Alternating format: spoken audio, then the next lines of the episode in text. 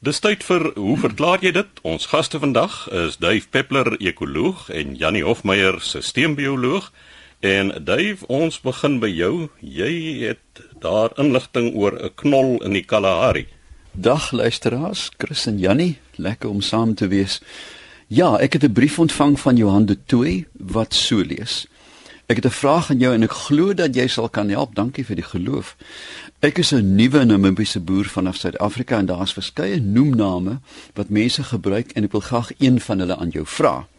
Hier is 'n knol wat onder die grond groei en waaroor hulle regtig mal is en hulle noem dit die naba. Hy spel dit N H A B A. Wanneer dit gereed is om geoes te word, bars die grond effe oop en dan grawe hulle dit uit kook dit amper soos aardappels. Dis nie regtig 'n plant wat sigbaar bo die grond groei nie, ont word slegs geïdentifiseer met die oopbars van die grond. Dis 'n poëtiese beskrywing die oopbars van die grond. Ek wil graag weet wat die regte benaming of Afrikaanse noemnaam daarvoor is. Kan dit iets wees soos 'n wilde aardappel, 'n knolswam vraagteken. Ek sou graag wil hoor of jy dit ken en hoe jy dit noem ek beroep my natuurlik dadelik altyd op die WAT want ek het dit nou elektronies en dit is so lekker om te gaan kyk. En daar word die NABA as N A B B A NABA NYABA of NYABA die koi weergawe beskryf. Nou Die eerste interessante ding van hierdie knol is dat dit nie 'n ware knol is nie, maar dis 'n vrugliggaam of die regte benaming hoor ek nou is 'n knolvrug van die swam Terfesia filiae van die klas Ascomycetes.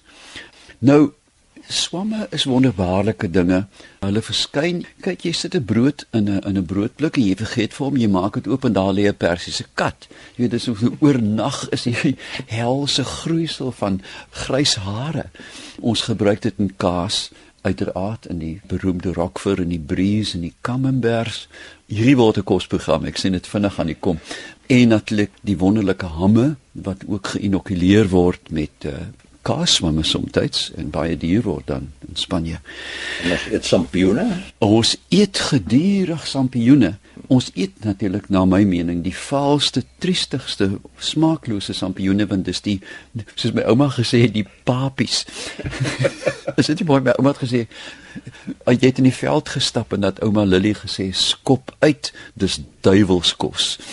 Né? Nee? En dan moet jy trap of as daar een in die tuin gestaan het was dit 'n papie wat netlik van die eier van 'n lintworm afkom vermoed ek. Dit lyk wat noem hulle dit Jan? Wat is die beskrywing? Van, van die eier in die varkvleis papie papie ja maar dit is wetenskaplike beskrywing. ons, ons sal dit nou tref. Ja, ja. hoe ook al Maar wat 'n mens moet verstaan is dat die, die verskyning van sampioene is eintlik die einde van 'n proses. Onder die grond is daar reuse netwerke en die goed kan ontsaglik groot wees. Dit kan etlike hektare 'n ragfyn verbinding van swamdrade wat dan voed op organiese materiaal of parasities is of simbioties en dan uh, as die regte toestande daar is vorm uit hierdie swamdrade dan die vrugliggaam wat baie forme kan aanneem. My oupa het dit genoem bobbejaan, snuif wat jy so geskop het. Maar dan is daar ook die klassieke parastoele. Daar is die stinkhorings en ek wonder of ek hom nou op sy boerenaam kan noem, maar ek dink ek sal nie. Kom ons los dit daar vir 'n ander program dalk, laatnagprogram. En dan uh, so wyd soos die Here se genade is die forme. Sommige uiters eetbaar, ander uiters dodelik. Daar is die sogenaamde Europese death cap wat baie lekker is om te eet, maar 14 uur later is jy mors dood. Daar's van hulle wat jou diarree gee en dan is daar die edelswamme, die Boletus edulis, my gunsteling melkswamme en 'n hele reeks ander sogenaamde pine rings wat wonderbaarlike disse kan maak. Ek uh, is behoorlik aan die kwyl. Maar kom ons kom terug na die naba. Nou hy is verwant aan die Europese truffel.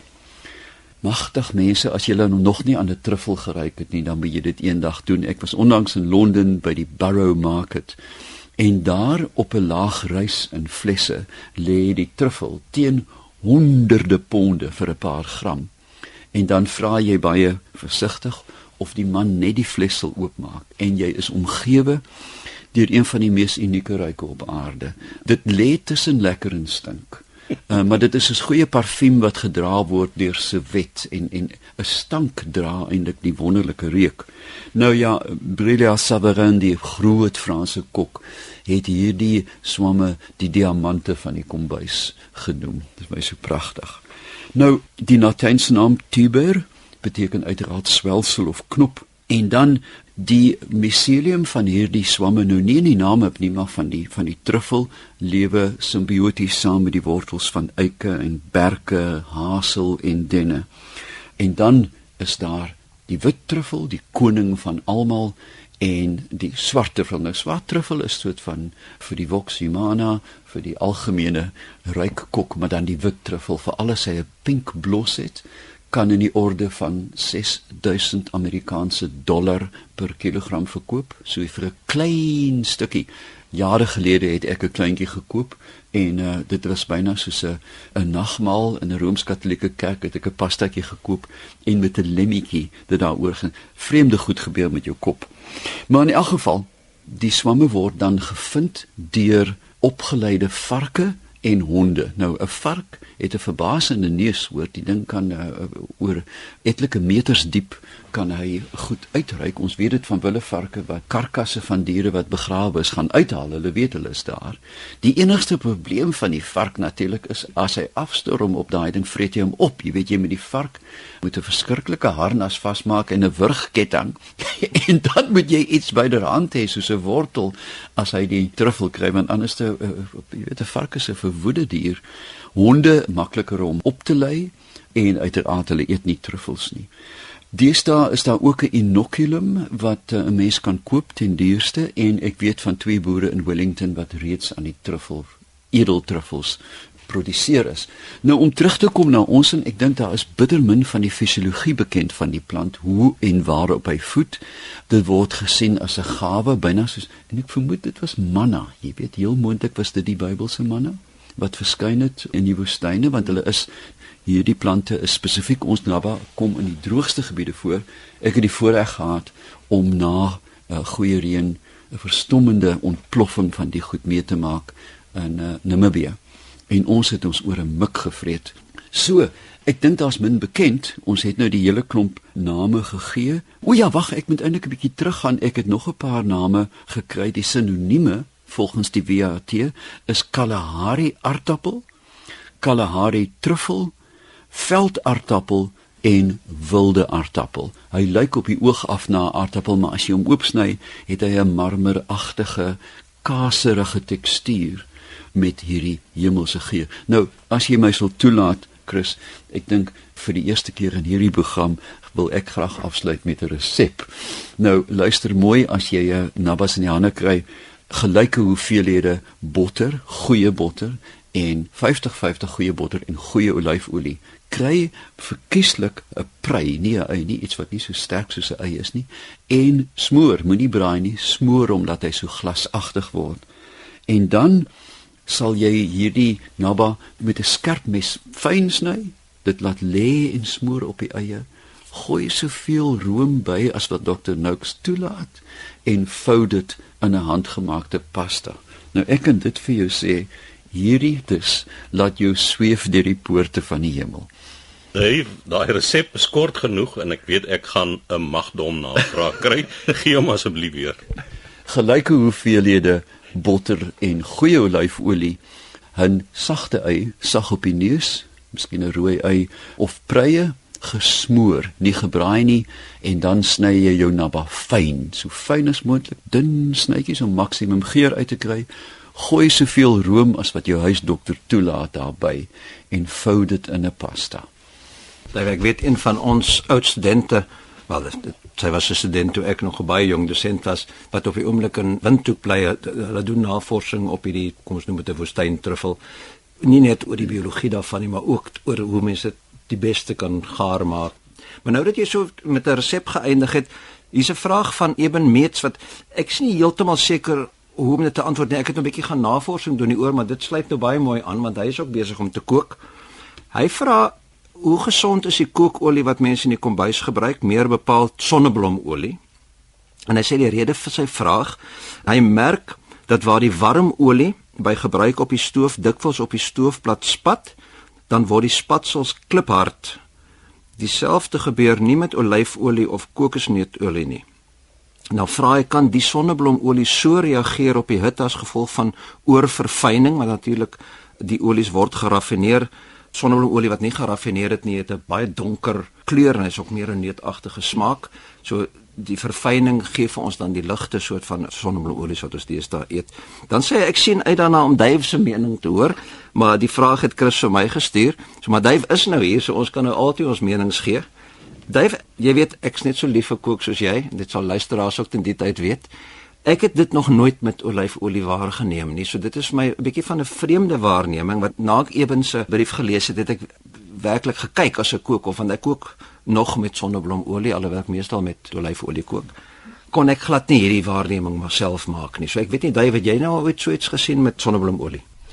Ek het dit in my dagtens lewens nog nooit teëgekom nie, maar nou twee dinge is interessant hier. Die een is dat ons weet dat sonneblomolie teen 'n baie hoër temperatuur stabiel bly. So as jy iets wil vinnig gaar maak, kan jy nie olyfolie gebruik nie want hy disintegreer eenvoudig. Ek weet nie die chemie daarvan nie. Ja.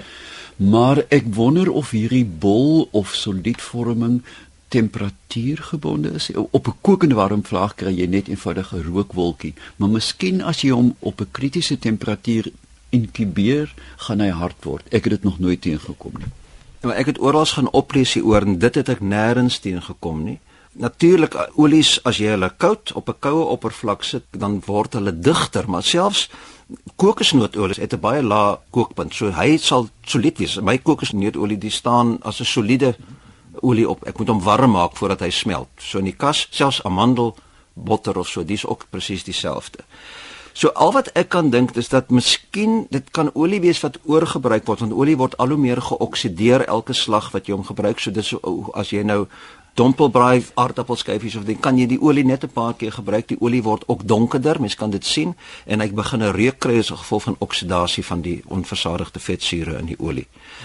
Dit kan ook wees dat daar nou kospartikels as kontaminante in die olie is en dat dit dan help vir die olie om hard te word, maar soos ek sê, ek, ek het dit self nog nooit gesien nie. So ewen miskien moet jy weer 'n slaggie net bietjie kyk met meer detail as jy nou dink oor waar die olie vandaan kom of hy oorgebruik is al is dit gekontamineer kan jy miskien vir ons 'n klein bietjie meer inligting gee maar ek het 'n bietjie gesukkel met die vraag ek kon self nie agterkom hoe dit sou kon werk nie en so kook Dave Peppler en Jannie Hofmeyer en hoe verklaar jy dit Jannie 'n luisteraar wil weet wat veroorsaak juk Ja, die luisteraar is Dion Adrianse. Hy sê hy kom uit Botswana uit, uit Jwaneng in Botswana.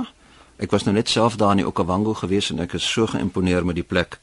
Ek wil beslis weer teruggaan. So ek weet nie presies waar Joan Neng is nie, David. Jy nog nooit gehoor. Dion, miskien moet jy vir ons laat weet waar presies in Botswana dit is. Maar wat hy sê is dat terwyl hy so met hande besig is om kos voor te berei, daar het ons dit weer. Dis 'n regte kosprogram hierdie in plek van hoe verklaar hy dit?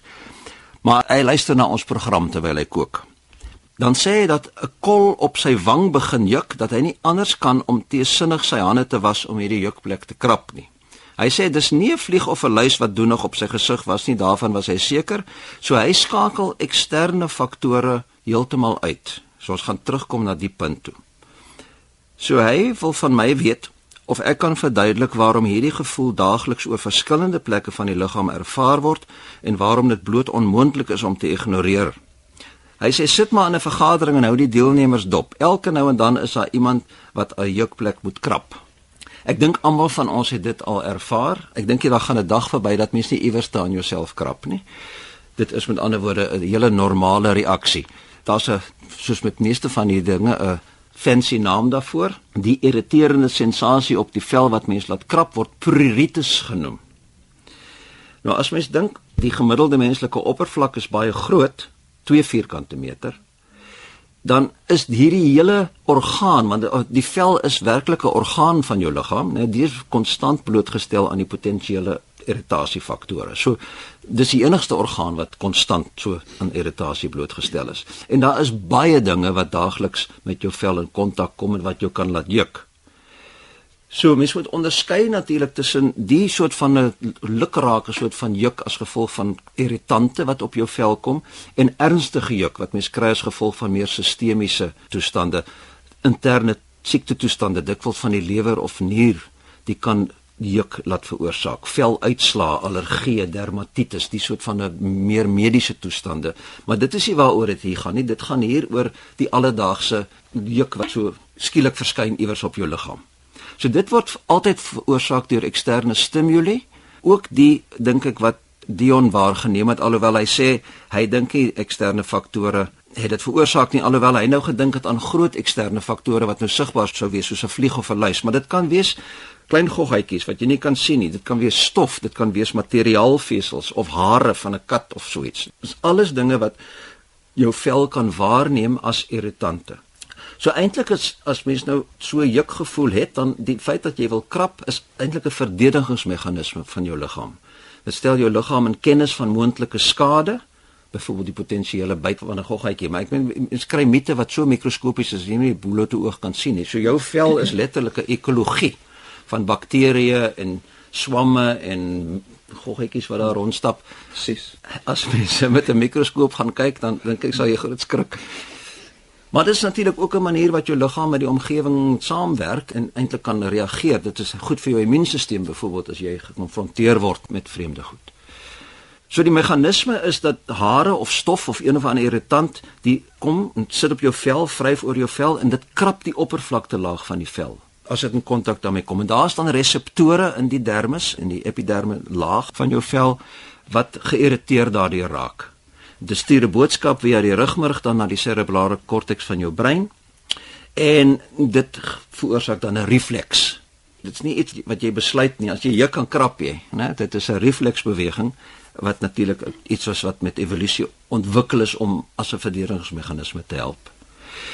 So waar juk 'n kraprefleks veroorsaak, het pyn 'n ander soort van refleks. Mens moet onderskei tussen juk en pyn, want pyn is eintlik 'n onttrekkingsrefleks wat jy kry. Jy, jy is geneig om om saam te trek. Jy wil beskerm die stukkie, né? Terwyl met 'n juk krap jy. Eksterne aksie wat jy uitvoer. Terwyl met pynrefleks is dit gewoonlik 'n onttrekking wat probeer om daai spesifieke aangetaste deel van die liggaam dan te beskerm. So mens moet 'n onderskeid maak tussen die jukrefleks en die pynrefleks. Maar wat baie interessant is dat mense ook 'n sogenaamde aansteeklike jeukrefleks kry. En dis deur navorsers al bestudeer. As jy byvoorbeeld in 'n gehoor sit waar daar gepraat word oor juk en daar is visuele stimule, dan begin jy juk en Chris is besig om te gaap aan die ander kant waarskynlik nie omdat hy verveeld is met wat ek sê nie maar hy iets wil demonstreer. Presies dieselfde. Daar is 'n imitasie wat plaasvind van 'n refleks. So in enige geval juk aan die ander kant is dit gaap die interessante ding is hoe werk dit en ons is nie heeltemal seker nie maar daar is nou nuwe teorieë 'n neurologiese teorie dat daar iets is soos 'n spieelstelsel in jou brein in Engels staan bekend as 'n mirror neural system wat op 'n manier 'n spieelbeeld is van wat in 'n ander persoon se brein gebeur. Met ander woorde, as mens sien die ander persoon gaap, dan het hierdie spieelbeeldstelsel 'n effek wat wil hê dat jy dieselfde moet doen. Mm -hmm. En dit lyk asof die twee reflekse wat sterk daaraan gekoppel is, is die jeukrefleks en die gaaprefleks. Jan, maar nou jy my aan die dink, twee dinge. Wat van 'n juk op 'n voet of arm wat verlore is deur amputasie? Daar is hierdie spook weke, maar dan die ander ene wat 'n mens ook moet uitkom uit hierdie argument is die Engelse displacement activity, uh, verplasingsaktiwiteit. Jy kry dit by diere, papegaaie wat hulle vere uittrek, honde wat gedurig kolle naand katte lek hulle hare af en jy kry dit ook by mense, verplasingsaktiwiteit. Daai ek is nie 'n kundige op die gebied nie. Ek wil gaan myself bietjie oplees oor die goed, maar dit is baie duidelik dat daar allerlei neurologiese afwykings is of neurologiese toestande waar juk dan ook een van die simptome manifesteer ja. En so dat dit niks noodwendig te doen met een of ander eksterne faktor nie, dit word van binne af geproduseer. 'n Niersiektes byvoorbeeld self ook, dit hoef nie 'n neurologiese ding te wees nie, dit kan 'n juk simptoom veroorsaak. Janie, ek kan miskien net daar noem David verwys na die honde. Ons het 'n labrador wat geneig is om homself op 'n sekere plek te krap en dan selfs met die tande daar te krap en volgens die veearts is die gekrap laat hom op die ou end endorfien afskei wat hom natuurlik nou laat beter voel en dit is hoekom hy aanhou om dit te doen. Ja, dis heeltemal so. Ek weet nie van die endorfine nie, maar natuurlik endorfine is die hormone wat jou laat beter voel. Maar baie keer die oorsaak van daai soort van 'n gedrag is natuurlik nie die gewone juk simptoom nie. Dit is as gevolg van 'n dermatitis gewoonlik, een of ander veltoestand wat dan ook 'n juk veroorsaak, maar wat nie weggaan as jy dit krap nie. Terwyl gewone jukrefleks as jy dit krap, dan vat jy ook die oorsaak daarvan weg. As jy byvoorbeeld een of ander ding het wat daar sit, dan krap jy dit weg. Maar met 'n dermatitis is dit 'n veltoestand wat 'n konstante irritasie is. So ek hoop Dion dat dit so 'n klein bietjie meer inligting gee oor hoekom jy elke slag krap as jy juk jy kan dit nie help nie. ja, ja nee, en dan is daar gedurig mense veral in die politiek wat krap waar dit nie juk nie. daar het die tyd ons ingehaal. Ons sê dankie aan ons twee gaste, Janie Hofmeyer en Dave Peppler. Jy's welkom om te skryf aan hoe verklaar jy dit Bosbus 2551 Kaapstad 8000 of stuur 'n e-pos aan chris@rsg.co.za.